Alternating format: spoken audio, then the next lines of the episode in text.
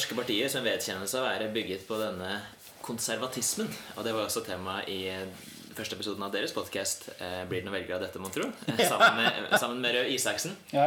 Og jeg har jo lest konservatismebok av Henrik Syse og, og Røe Isaksen, og jeg må jo si at noe er veldig tiltrekkende. Blant annet denne tanken om at det å bygge samfunn er noe vi gjør sammen med flere generasjoner. Er ikke det vakkert? Det er veldig vakkert. At det er sammen med fortidens generasjoner. At det er sammen med fremtidens generasjoner. Når er det du fant ut at det var, eh, dette var retningen du ønsket å komme? Ja, det er egentlig ikke så veldig lenge siden. Fordi da jeg meldte meg inn i Unge Høyre, så var ikke jeg konservativ. Jeg var liberalist. Og eh, så jeg, så jeg sto fra Altså, jeg sto relativt langt fra mitt eget parti i en del sånne standpunkter.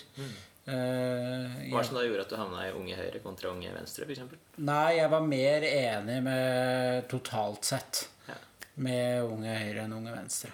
Eh, Så, så det var derfor jeg valgte der. Og det var et liberalistisk miljø også i Unge Høyre.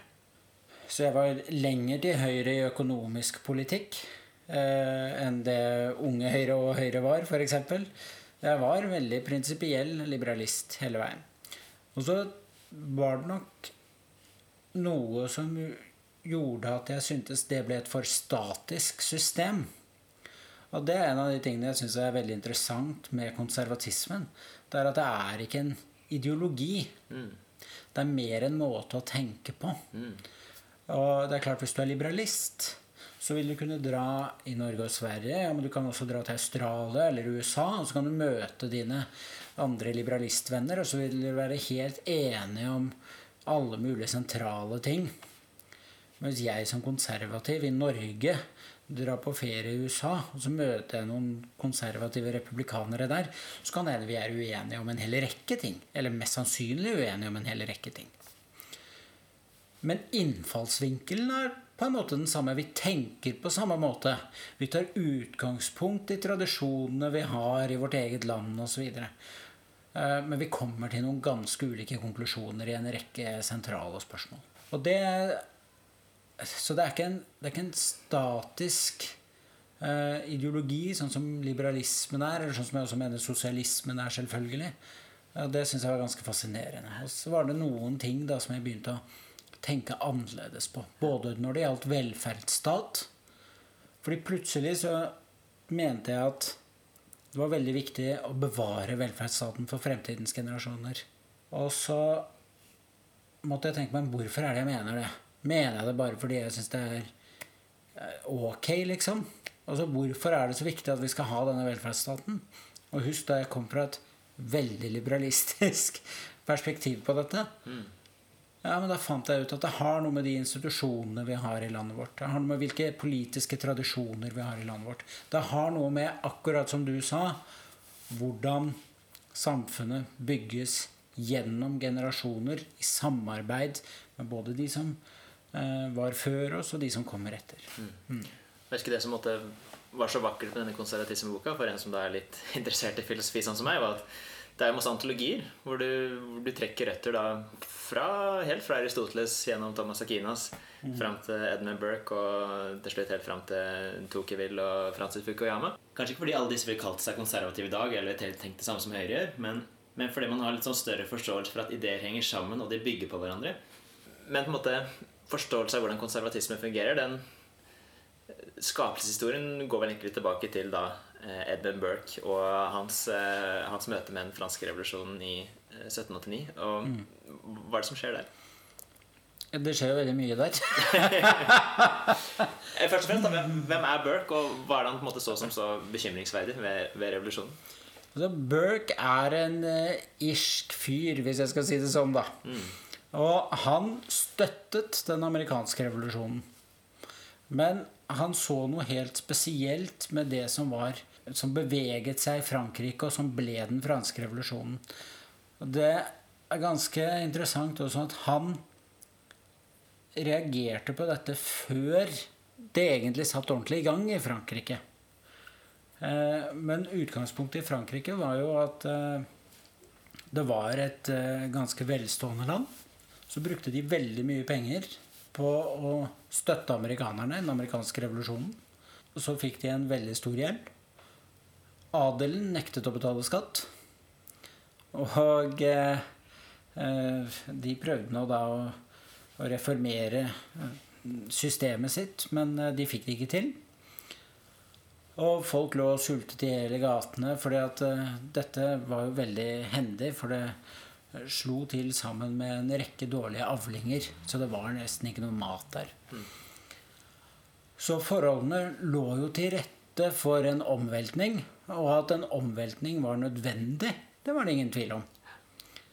Men så var det måten det ble gjort på. Uh, og det som er litt spesielt med den franske revolusjonen, er at det er en det er ikke bare en omveltning av samfunnet, men det er en omveltning egentlig av mennesket. En filosofisk revolusjon. Og eh, det var det Burke så og advarte mot i denne boken 'Reflections on the French Revolution'.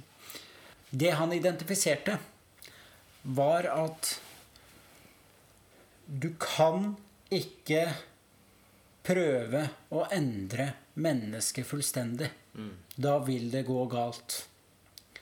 Og det gikk veldig galt. Mange døde i giljotin osv. Og, så og det ble helt katastrofe i mange år. Det totale dødsantallet, hvis du har med litt krigere og sånn, er 1,4 millioner. Eh, så han fikk jo rett. Mm. Han var derfor opptatt av at ja, endringer må skje, men de må skje på en mer organisk måte. Mm. Det må være mer evolusjon enn revolusjon, da. For det som gjerne kjennetegner konservative, at man har veldig fokus på å analysere menneskenaturen.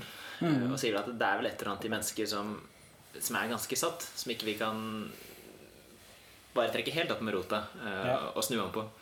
Og mye av det med mennesket er jo at vi, vi ønsker tilhørighet, vi ønsker en identitet, vi ønsker, vi ønsker fellesskap. Og det er et eller annet ved den tankegangen som gjør at det er ikke sikkert det er en veldig god idé å bare skulle snu tvert om på alt, etter slik man skulle ønske at mennesket var. Mm. Enig. og derfor er jeg konservativ. ja, Men det er jo noe, det er ganske interessant, fordi det, det er jo kanskje noen som vil mene at konservatismen er en litt pessimistisk måte å tenke på. Og da er vi inne på hvordan konservative tenker på maktfordeling. Hvor viktig det er at makten er jevnt fordelt. Hvorfor er det viktig for en konservativ? Jo, pga. det vi snakket om i sted. Man ser den dobbeltheten som er i mennesket som også er beskrevet i skapelsesberetningen. Mm.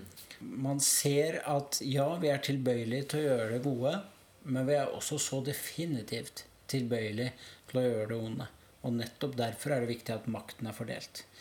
Det er jo en litt sånn det mange vil kalle en litt pessimistisk måte å begrunne maktfordelingen på, men jeg syns det er et viktig perspektiv. Bjørn Sterk, f.eks., eh, som jo ikke er en kristen, han, han sier på en måte at synsbegrepet er på en måte en av de vakreste arvene vi har fra, mm. fra kristendommen. Mens mange andre sekulære vil tenke at dette er noe som er veldig gammeldags og utdatert. Så i hvert fall det å erkjenne at mennesket er syndig, det å erkjenne at mennesket har øh, Vi har, øh, vi har tilbøyelighet til det gode i oss, men også til det onde. Eh, og ingen av oss er unndratt fra det. Eh, så det er, det er en veldig sånn demokrat, demokratiserende funksjon da, ved å se at ja, ved å se at makten faktisk må fordeles. Mm. fordi man når alle mennesker har tilbøyeligheten til å USA, så kan vi, vi kan på en måte ikke sette vår lit til noen få. Nei. Og vet du hva, når folk sier jo ofte at Høyre da, det er partiet for de aller rikeste. Ikke sant? Det er noe vi hører ofte. Ja, og så er vi, vi er for skatteletter osv. Ja. For meg så er skatt, med maktfortelingsperspektivet i grunn, også et verdispørsmål. Det er ikke riktig at vi samler for mye økonomisk makt ett sted. Og det er også en måte jeg begrunner at skattelettelser er riktig på. Skattelettelser for familier, at de kan bruke de pengene de har tjent, til å glede barna sine, eller hvordan de nå vil gjøre det. At ikke alt kommer fra offentlig sektor. Og det er jo også sånn du skaper et samfunn der folk får faktisk mulighet til å blomstre i sin godhet, da, i sine gode sider. Tenke på hvordan velferdsstaten er blitt til i Norge.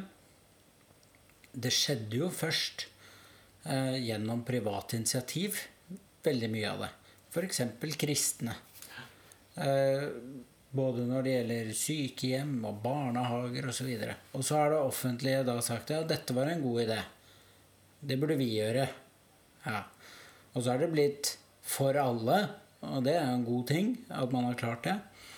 Men jeg tror det er veldig viktig når man diskuterer velferdsstaten, at man husker hvor kom den fra. Jo, den kom fra at noen faktisk hadde mulighet til å ta disse initiativene på egen hånd.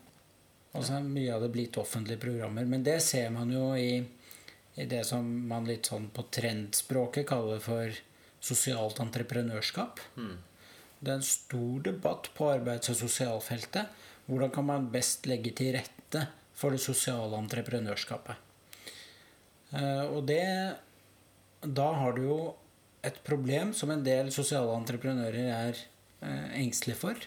Og det er at når de har en god idé, og så prøver de å selge inn denne ideen da, til f.eks. et Nav-kontor, eller hvordan de velger å gjøre det, så er eh, ofte kan det lokale Nav-kontoret si ja, men dette kan jo vi gjøre. Og da er hele ideen til den sosiale entreprenøren tatt av offentlig sektor. Men problemet er bare det at det er umulig for offentlig sektor å gjøre alle disse tingene på egen hånd.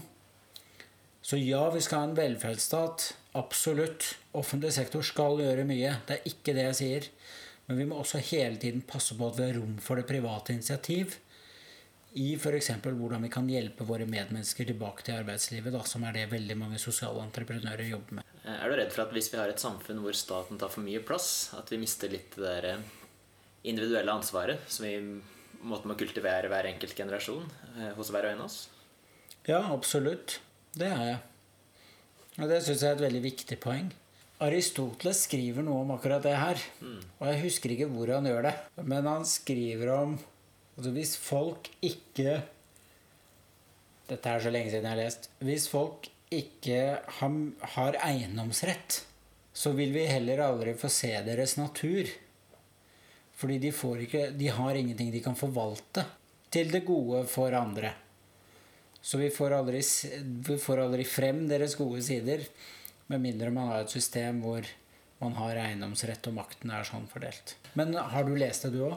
Eh, I hvert fall noe i, noe i samme bane. Ja. Og jeg tror i hvert fall den tanken henger veldig sammen med min forståelse av aristotelisme. At det, Ja. det handler jo på en måte om å lære mennesker til å kultivere dydene til å bli, eh, til å bli såkalt gode samfunnsborgere. Ja. Eh, men det forutsetter jo Det er veldig logisk som du sier, at det forutsetter også at mennesker har, eh, mennesker har det spillerommet eh, som gjør det mulig i mm. utgangspunktet. Mm. Mm. At dersom du alltid måtte jobbe på vegne av noen andre, eh, og dersom inntekten din og outputen din måtte alltid forvaltes på vegne av noen andre, så mm. får du aldri selv noen muligheter til å kultivere disse. Ja.